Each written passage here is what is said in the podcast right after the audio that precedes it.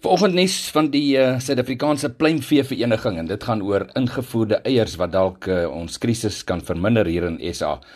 Nou die uh, Suid-Afrikaanse pluimvee vereniging of ook genoem SAPA se eierorganisasie sê hy verwelkom die aankondiging deur Toko Didiza, die minister van Landbou, Grondhervorming en Landelike Ontwikkeling rakende die invoer van bevrugte eiers as ook produkte soos poeiereiers asook eiers in vloeibare vorm. SAPA het gesê die stap sal die bedryf gedurende die huidige eierkrisis ondersteun. Die Suid-Afrikaanse eierbedryf het uh, normaalweg ongeveer 27 miljoen henne wat die land daagliks van eiers voorsien. Die voëlgriep uh, uitbreking het produsente egter genoop om uh, sowat 6 miljoen lê henne uit te skot terwyl 'n verdere 3 miljoen vermoedelik ook geaffekteer is.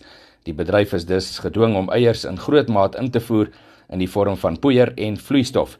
Die produkte sal meestal vir industriële doeleindes aangewend word, terwyl vars tafeleiers na verbruikers gekanaliseer sal word.